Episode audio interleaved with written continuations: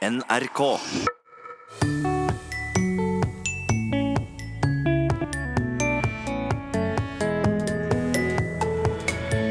I 1969 kom Vesensten med denne legendariske TV-sketsjen.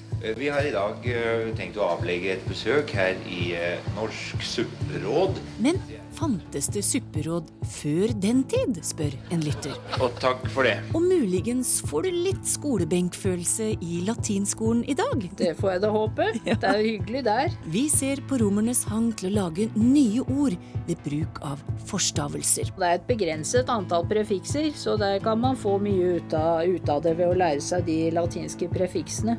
Vel møtt til Språkteigen. Først i Språkteigen i dag skal vi kikke tilbake på forrige ukes sending. Da handla det om ulike former for småprat. Det er jo noe de fleste av oss driver med, om enn i ulikt monn og ulik fasong, og som det derfor finnes mange dialektord for. I Gudbrandsdalen, Folldalen og på Hedmarken brukes eksempel uttrykket å lage ved om den samtalen som oppstår når folk møtes og slår av en prat. Og Anne Tove Håvødegård lurte på hvor det kommer fra. Ja, eh, det er nok sannsynligvis en betydningsvariant. Det er vanlige ordet å, å lage. Om å skape og ordne til, stelle til, eh, produsere et eller annet. Og det du produserer her, det er vel eh, prat, da. og, og jeg har jo inntrykk av at når du, når du lager ved folk, eh, så kan den praten være litt løs og ikke all slags vesentlig innhold i det. Svarte Tor Erik Gjenstad, som òg kunne bidra med sitt lokale ord for fenomenet. På mine trakter så var det jo snakk om å røle. At de satt og rørte. Ja, de skravla om løst og fast. Og både Tor Erik Gjenstad og Georg Kjøll pekte på at denne typen prat er viktig for oss. Det er vel ulike varianter av, av småprat òg. Småprat har jo en ganske viktig, viktig funksjon på, eh, på norsk. Men eh, hvor, hvordan disse synonymene sprer seg utover uh, ulike, ulike deler av Norge, er jeg litt, uh, litt usikker på. Det er egentlig interessant å finne ut mer av. Jeg eh, jeg tipper at det er stor variasjon i akkurat, akkurat det temaet her. Kanskje jeg kunne oppfordre lytterne til å sende inn sine ord for sånn eh, småprat i forskjellige graderinger.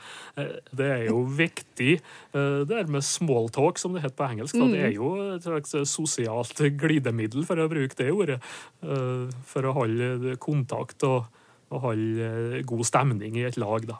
Og flere har skrevet inn med sine dialektord for slik småprat. Jeg mener å huske at vi brukte ordet sodling om småprat, skriver Gro Hornes. Og hun hadde, før hun flytta til Østlandet for mange år sia, ei striledialekt. Tom Haugan fra Tromsø bidrar med følgende ord. Jorre, som brukes når du ikke helt stoler på det den andre sier. Josse når noen prater tull, eller sier noe humoristisk. Og sjorre når det prates om løst og fast. På Sørlandet og i Kristiansand sier vi kjase om småprat, skriver Margaret Brandon, og i Vestfold sier Cecilie Tyri Holt at hun bruker ordet sludre. Berthe Spangen forteller at i Sogn brukte hennes onkel verbet å jamse, og sjøl kan jeg bidra med ordet jare fra Trysil. Og Jare, ja. Ja, Ja, akkurat. han jarer fælt. Ja vel. Ja. Det er kanskje litt, også litt sånn småskrytete, da. Å ja, ja. ja. Nei, det heter det heter lagd på mine kanter. Ja, altså for lagda substantiv, det er jo litt tjukke klumper av et eller annet. f.eks. For eksempel i ull eller slikt. Og, og da har jo da verbet å lagd, det vil jo tilsvare semantisk det å, å smøre tjukt på. Så da er det skryt det er snakk om. Ja, da er vi mer på skryting, ja. Ja, og det går jo over i hverandre, det her med altså, småprat, eh, tøveprat, tullsnakk og, og skryt, da. Fra Sandnes har Vigleik Haga sendt et knippe ord, og drøsa om det å snakke om løst og fast, kanskje med innestemme, og radla om det samme, men der samtalen kanskje er litt mer livatt, ispedd humor og med litt tydeligere meninger, og tatla om litt mer sladderaktig samtale, og å jabba om det å prate mye, men med lite innhold. Så det er nok ingen tvil om at vi trenger disse orda for dette sosiale limet som Tor Erik Gjenstad kalte det, nemlig småprat. Og du må gjerne sende inn ditt dialektord til Teigen, krøllalfa, nrk.no.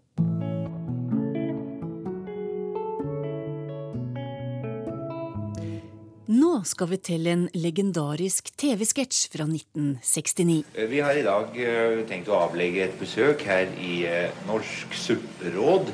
Det er et informasjonsorgan for supper. Og i uh, Supperådets nybygg her på Øksneset finner vi uh, rådets formann. Det er uh, informasjonskonsulent Balle Klorin. Hun har vært ansatt her to år. Eh, har De inntrykk av at eh, dette med supper er i skuddet? Nei, Det er bare kjedelig. Det er ikke innskudd i det hele Helt ute. Supper er ikke inni. Nei, hva, hvor, hvor, hvor eh, mange har de ansatt her? 400-500 stykker. Men eh, det er, De utgir jo et månedsblad også her som heter eh, Suppe... Suppe i sentrum, de har jo noen, og De har jo vært i TV en rekke ganger. Så, Ja, mange ganger. Da, sier jeg sånn, da sier jeg sånn eh, Mine damer, flere og flere har forstått at suppen hører med til Mange husker kanskje denne sketsjen, og supperåd ble et begrep etter dette. Men Åse Tillung spør, eksisterte uttrykket supperåd før 1969, eller ble det etablert nettopp av Wesenstens geniale sketsj? Og jeg sender spørsmålet til Toril Oppsal. Eh, Den betydningen som vi forbinder med Wesensten, den ble nok etablert i 1969. Og jeg er enig i at dette her er en genial sketsj. Eh, jeg- tror veldig, veldig mange ser for seg, særlig Harald Heide Steen jr., som, som ler så han knapt nok eh, kan puste i rollen som informasjonskonsulent, balleklorin, i Norsk supperåd. Eh, Så, så der, har du, der har du en særegen betydning av supperåd. Og der er det jo et kort sagt et ja, la oss kalle det et særdeles ineffektivt råd, som også er ganske unyttig. Eh, og, det, og det har blitt brukt mer og mer og mer etter denne sketsjen også. Det har jo en ganske nedsettende klang, kan man si. Og det er faktisk også, så vidt jeg har sett, blitt påtalt ganske ofte i stortingsreferater. Der er det ikke populært at du, altså at du, at du betegner råd som supperåd. Eh, men, men ordet, det fantes eh, før 1969, men med en mye mer konkret betydning. Eh, og jeg eh, slo bl.a. opp i en bok som heter 'Bordets gleder', fra tidlig 1950-tall. Og der kan vi få et godt supperåd til damene. Og nå må du holde deg fast, for der står det nemlig Enten mannfolk er av den omgjengelige sorten, eller de er hustyranner, så elsker de suppe. Så her er rett og slett supperådet å servere suppe til din mann. Så der har det en, en, litt, en litt annen betydning. Ja. Eh, Ikke fullt så morsom, nei. Nei, du har tilsvarende supperåd i en del aviser eh, fra samme tidsrom. Der kan du også få supperåd om å la en melen potet koke med i suppen istedenfor å bruke meljevning. Eh, Skulle du være så uheldig å ha en litt for salt suppe, så kunne du la en sølvskje koke med de siste minuttene. Så, så det er mange supperåd, men, men ikke i den betydningen som vi forbinder med Wesensten. Nei, så var, Det var rett og slett sånne konkrete råd om, Om suppe. suppe. De gjør ing- ingenting her. Og, og takk for det. Jo, takk sjøl, sier jeg til Harald Heidesteen jr. og Rolf Wesenlund. Toril Oppsal kommer tilbake senere i sendinga for å svare på flere lytterspørsmål. Men først blir det en dose latin.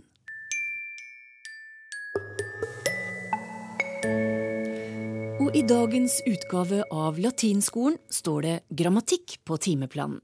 Nærmere bestemt prefikser eller forstavelser. Romerne var flinke til å utvikle språket, og spesielt dyktige var de til å danne nye ord. En måte de gjorde det på, var å feste en forstavelse foran et allerede kjent ord, og vips fikk ordet ny betydning.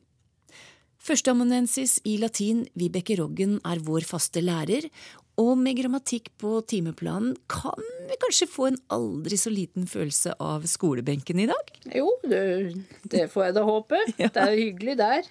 Ja, og den gode nyheten er kanskje at for de som vil lære seg litt latin, er det mye å hente ved å lære seg prefiksene, mener du? Ja da. Eh, Det, det blir jo fort komplisert allikevel, da, men eh, jeg burde kanskje ikke være så streng latinlærer og si det. Det er utrolig mange eh, verb og adjektiver i latin som, som er satt sammen med prefikser. Og de forandrer da betydning. De beholder samme ordklasse. Men det blir tilsvarende som på norsk med prefikset u. Når vi går fra heldig til uheldig, så blir jo situasjonen en helt annen. Ja. Eller å forstå og misforstå blir jo også noe helt annet.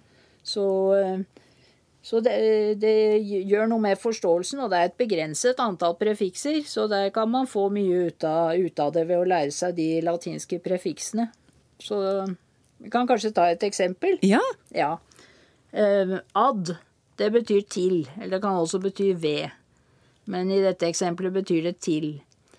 Men hvis vi setter det sammen med traere, som betyr å trekke, attraere Så det er jo noe annet å, å, å trekke enn å tiltrekke seg noen. tiltrekke seg eh, det annet kjønn, eksempel. Ja, Ja. hvis det er det man vil. Ja, Og ikke mygg, eksempel. ja det, det er ikke så attraktivt. Nei. Så, eh, og det er, tiltrekkende er et oversettelseslån fra latin. For til er da oversettelse fra ad. Og trekkene er fra dette traere, trekkeverbet. Og så kan vi lage et adjektiv. Attraktivos. Da har vi jo fått ATT istedenfor ADT, og det er jo en latskap. Eh, De gamle romerne var jo tydeligvis også late når det gjaldt å uttale. De gadd ikke å si adtrahere eller adtraktivus. Men her har vi jo da attraktiv. Og det som du snakker om her, denne latskapen, da, det driver jo vi med i det norske språket òg. Ja, vi er ikke noe bedre, vi. Nei, vi er ikke det. Vi tar snarveier hele tida, og dette utvikler seg jo Ja. Assimilasjon kaller vi det. nemlig. Der har vi også dette prefikset ad. Og similis betyr likedan. Så ad similis er blitt as similis. Så ordet i seg sjøl er en liten assimilasjon. Det er det. Ja. Og dette har skjedd i stort monn når prefikser er blitt hekta foran andre ord. Det skal vi høre en del av i de neste eksemplene våre. Vi forlater ad og går til et nytt prefiks, nemlig x. Og der får vi et eh, litt eh, artig eksempel på ny orddanning når vi fester x foran verbet plikare. Ja, det betyr å folde eller brette. Og da jeg var barn, så hadde jeg et plissert og det kommer av dette latinske ordet. Det skulle man kanskje ikke tro at det var latin, men det er det altså. Og det var, hadde jo noen skikkelige bretter. Jeg tror ikke det er så moderne nå, men Nei. Men der har vi altså dette prefikset nettopp nevnt, eh, x, som betyr ut eller ut av. Så explicare betyr å folde ut. Og da er også dette blitt brukt eh, teoretisk i betydningen å forklare noe. Og gjøre det eksplisitt, altså folde det ut. For hvis det ligger inne i folden, så kan det jo være vanskelig å se det, ikke sant? Skjønner. Og det motsatte av eksplisitt er jo da implisitt. Og der har vi jo denne, dette prefikset inn, som ikke betyr u, men den andre som betyr inni eller inne i. For da ligger jo da forklaringen inne i bretten. Så eh, der er n blitt til m foran p. Det er en delvis assimilasjon. Implisitt, implisitt. Så da er det så enkelt som at det som er eksplisitt, det ligger utafor bretten. Ja. Og implisitt er det som er inni bretten. ja. Dette Det er må to du bare vite det. Du kan ikke se det. Nei, du kan ikke se det. det. irriterende. Så, men eh, noen ganger kan det jo være ganske sammenfoldet, det hele, da. Og da er det jo komplisert. Det er komplikare, sammenfoldet, sammenbrettet. Hvis vi går tilbake til implisitt her, så kom du med et nytt prefiks, nemlig inn. Og som du var inne på, her er det behov for en liten varseltrekant. Hvis ikke, så kan du gå på en smell. Ja, det er trøblete fordi det er to forskjellige. Ja, Og begge er bare inn. i en. Eh, og det ene eh, betyr da eh, i, på, ved, eller bevegelse til eller inn i. Mens det andre inn, det betyr det samme som vårt u, eller ikke. Og det første, da, der har vi massevis av ord eh, i daglig bruk som viser det. Inspirere, imponere, indoktrinere er noen eksempler. Det er da altså til eller inn i noe. Mens det andre, inkompetent, det er jo det motsatte av kompetent. Indisponert. Irregulær. Der har vi assimilasjon fra regulær, og så irregulær er blitt til irregulær. Det kan jo ha oppstått misforståelser, da. Eller ikke kan ha, men det har oppstått misforståelser da når, eh, når to så forskjellige mm, betydninger eh, kan settes til et eh, hovedord. Så vi har det engelske 'inflammable'. Og der har vi substantivet 'flamma' sentralt i det ordet. Vårt ord 'flamme' kommer da av latin 'flamma'. Og så har vi ett av prefiksene 'inn'. Men hvilket er det? Er Det det kan man lure på. Er, betyr dette at, eh, at det er eh, lett, lettantennelig, eller betyr det at det ikke er antennelig? Ja. Ja. Men dette betyr da på engelsk eh, lettantennelig, eller at det antennes av seg selv. Ja. Og det er inflammabilis, det adjektivet, har jeg ikke funnet belegg for i antikkens latin ved et raskt eh, søk, men i en avhandling om kjemi fra 1700-tallet, og der sto det om luft som var eh, inflammabile. Og den eh, kunne da tydeligvis eh, selvantennes. ja, nemlig. Og da gjelder jo at, eh, at folk ikke tror at inflammable betyr ikke brennbart hvis de kjøper noe klær, f.eks. Nei, for da skal det stå non-flammable, ikke sant? Eh, jo. Ja. Vi har en annen forstavelse her, som er kår. Ja. Og den, eh, den er kor foran r, da, men opprinnelig er den kon. Og den har to hovedbetydninger. Det ene er sammen med, eller sammen, og den andre er å forsterke hovedordet. Og eh, når den settes sammen med verbet rumpere Det har ikke noe med rumpe å gjøre, det altså, men det, det betyr å bryte eller rive i stykker eller sprenge. Og med denne forstavelsen, con, så blir det altså assimilert, og da blir det cor rompere på latin. Og der har vi jo da lånt det inn i norsk ved å bare forandre c-en til en k. Så har vi flyttet, flyttet trykket et hakk, så det blir korrumpere. Ja. Og det betyr altså å ødelegge fullstendig. Det, er, det dreier seg altså ikke primært om penger, men det er eh, å ødelegge samfunnet. Så det har da antikkens romere utviklet fra å ødelegge noe fullstendig og til å ødelegge samfunnet. Fra å eh, dreie seg om sykdom til å dreie seg om å ødelegge språket, og til å ødelegge hederligheten i samfunnet. Kan jeg ta et lite ord av pave Gregor den store? Absolutt. Ja, han var pave fra 590 til sin død i 604, og han sa da 'corruptio optimi pessima'. Og der har han jo satt eh, to ord som betyr det motsatte, optimi og pessima. Altså vi har jo optimist og pessimist, ikke sant? Og det ene betyr den beste, og det andre betyr det verste. Så, og så korruptio først. Korrumpering av den beste er verst. Ja, da er grunnen alt håp ute. Det er jo det. Ja, Kan vi si litt om to to toalettsakene til slutt? det kan vi gjøre.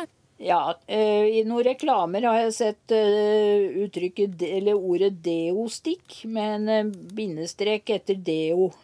Og det er vel da fra deodorant. Men dette er vitner om dårlig språkforståelse, fordi det, det er det som hører sammen, og så kommer neste odor, som betyr lukt. Så det betyr bort fra, og da skal altså denne ta vekk lukten. Og antiperspirant, vel, vi, anti kjenner vi jo, det er mot. Og per betyr gjennom. Og spirant, og spirare er å blåse eller puste. Ja.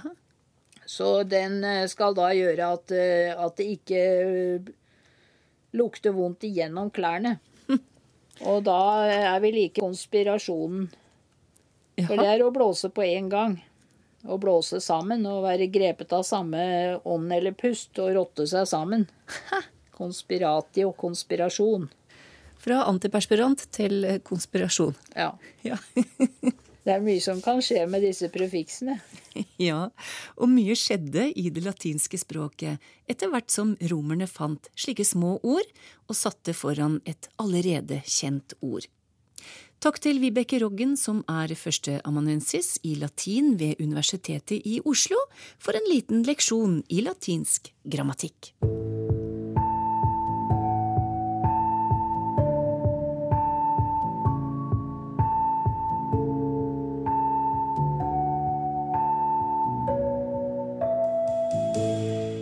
Vi slipper til Toril Oppsal igjen, som skal få svare på flere lytterspørsmål. Øyvind Lie Jacobsen spør er det bare jeg som merker en økende bruk av ordet flåsete, eller stemmer det faktisk? Særlig i ekspertuttalelser legges det på en hale med litt flåsete sagt kan du si at. Hadde vært interessant å få vite litt om historikk og bruk av ordet.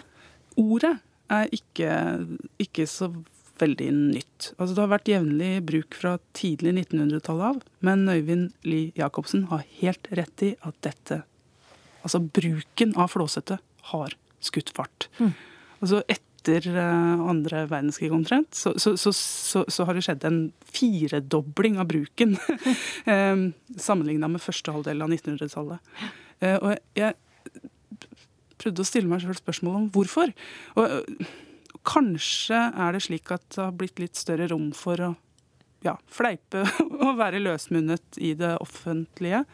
For denne bruken av, for å si det litt flåsete, ja. Eh, den kan jo ha en dempende effekt og gjøre det mulig å ja, rett og slett å tørre å uttale seg og dele noen mer ja, subjektive meninger. Så så gir rom for eh, et individ i større grad innafor en, en, ja, også en formell i en formell sammenheng. Mm. Så, så, det kan kanskje være noe av, eh, av, årsaken. Eller at det rett og slett er smitte. et populært, et populært uh, uttrykk. Men hva betyr det? Ja, altså Dette her handler jo om å, å, å flakke og, og, tulle og, og være litt um, Hva skal jeg si Upresis eh, med overlegg. Ja. um, og og det henger sammen med en del andre ord og uttrykk, som å fjase og flakke og, og flå og gape. Og um, mer eller mindre beslekta ord og uttrykk. Så for å si det litt flåsete, så kan det brukes til så mangt. Vi hører det i ett sett under sportssendinger, og det er visst òg blitt vanlig i næringslivet. Men Momentum står ikke i ordboka, og jeg fikk rød strek under ordet da jeg skrev det akkurat nå, skriver Geir Hovensjø. Er det nok et engelsk jåleri, spør han. Mm. Det, er, det er, engelsk, hadde jeg nær sagt. Veldig mye av den bruken som er ja, som, som, Geir Hovensjø har lagt merke til, den, den er nok påvirka av engelsk. Men, men, dette er et, et faguttrykk.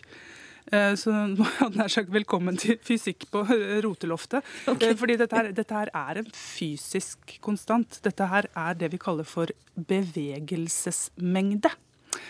Og å movere, det verbet movere, det betyr å bevege opprinnelig. Sånn at hvis du tar for deg en gjenstand og ganger massen til den gjenstanden med hastigheten til den samme gjenstanden, så får du bevegelsesmengden. Det er det vi kaller for momentum. Eh, så dersom du har en ganske betydelig masse og hastighet, så, så, så oppnår du en tilstand der et prosjekt f.eks. kan drives fremover. Um, det å se dette for seg altså Jeg ser for meg noen som har fått opp dampen. Ja. Der, der, der, der, er momentum. Eh, så, så, dette her er noe som skaper og opprettholder og ja, driv og energi. Så, så, dette er det å være i gang, å være produktiv og i bevegelse på en mest mulig hensiktsmessig måte. Mm. Så, så, det knyttes ofte både til ja, næringsliv, og det å drive prosjekter som også er kobla til salg, men, men også uh, en del i idrettssammenheng.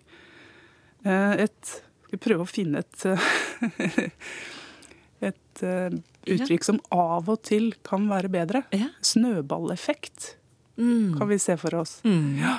Eh, som handler om mye av det samme. Altså når du er i gang og er i driv, eh, og bevegelsesmengden er på plass. Så i sportssendinger er det faktisk det rent fysiske som foregår, mens i næringslivet så er det mer en overført betydning? Ja, det, det kan, du nok, kan, du nok, si.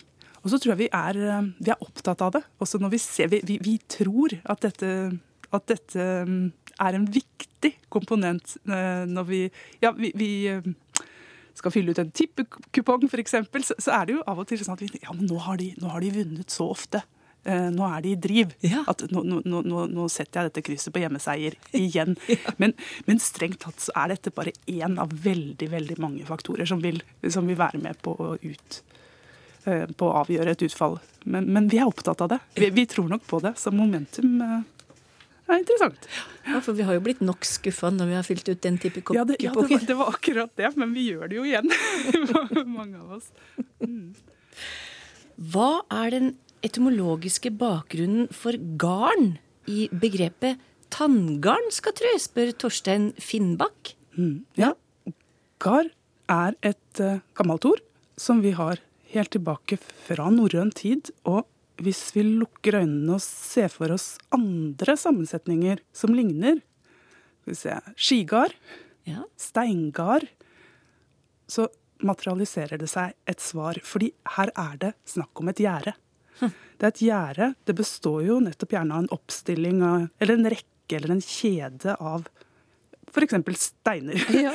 Eh, og det gjør jo at kjeder eller rader av tilnærma like gjenstander også kan få den betydningen. Nettopp fordi de ligner på et gjerde. Eh, så i den kategorien så faller jo f.eks. mangar. Ja. Der, der, har du en kjede av mennesker. Og så har du skjærgarn. Der har du en kjede av skjær. Og så har du jo rett og slett, jeg hadde nær sagt, i hvert fall om reguleringstannlegen har gjort jobben sin, så, så har du en kjede av rette tenner som utgjør en tanngard. Jeg lurer på om ordet kontrollsjekke har noe for seg, eller er det bare smør på flesk? Et søk på Google gir f.eks. nyhetsoverskriften 'Petroleumstilsynet skal kontrollsjekke Goliat-plattformen'. Det er Thomas Føre som undrer seg over dette her. Mm. Eh, og, så, det, disse lytterne er fabelaktige. fordi jeg må innrømme at da jeg så dette ordet, så tenkte jeg men dette er da helt uproblematisk. Men, men, men, men, det finnes ikke i veldig mange, eller særlig mange eldre kilder. Eh, jeg finner det heller ikke i en god del standard ordboksverk. Men, men, verbet å kontrollsjekke har nok noe for seg uh i de tilfellene der du er nødt til å kontrollere kontrollen. Ja. Eh, så, så, så, dette knyttes ofte til kvalitetskontroll, der du eh, må stille spørsmålet er du sikker på resultatet. Mm. Hold an, jeg skal kontrollsjekke. Eh, så, så, dette har en eh, ganske klar betydning, i hvert fall i de tilfellene jeg har klart å finne det i bruk. Eh, du sjekker én gang, men så sjekker du én gang til, og da har du en større grad av konsentrasjon Eh, så, det er ikke den samme sjekken når du, når du kontrollsjekker. Eh, så, så, det er en ørliten nyanse der. Mm. Det er rett og slett en form for kvalitetssikring. Ja. Mm. Takk til deg, Toril Oppsal, for svar på dagens lytterspørsmål. Det var det vi rakk. Vi er tilbake om ei uke. Takk for i dag.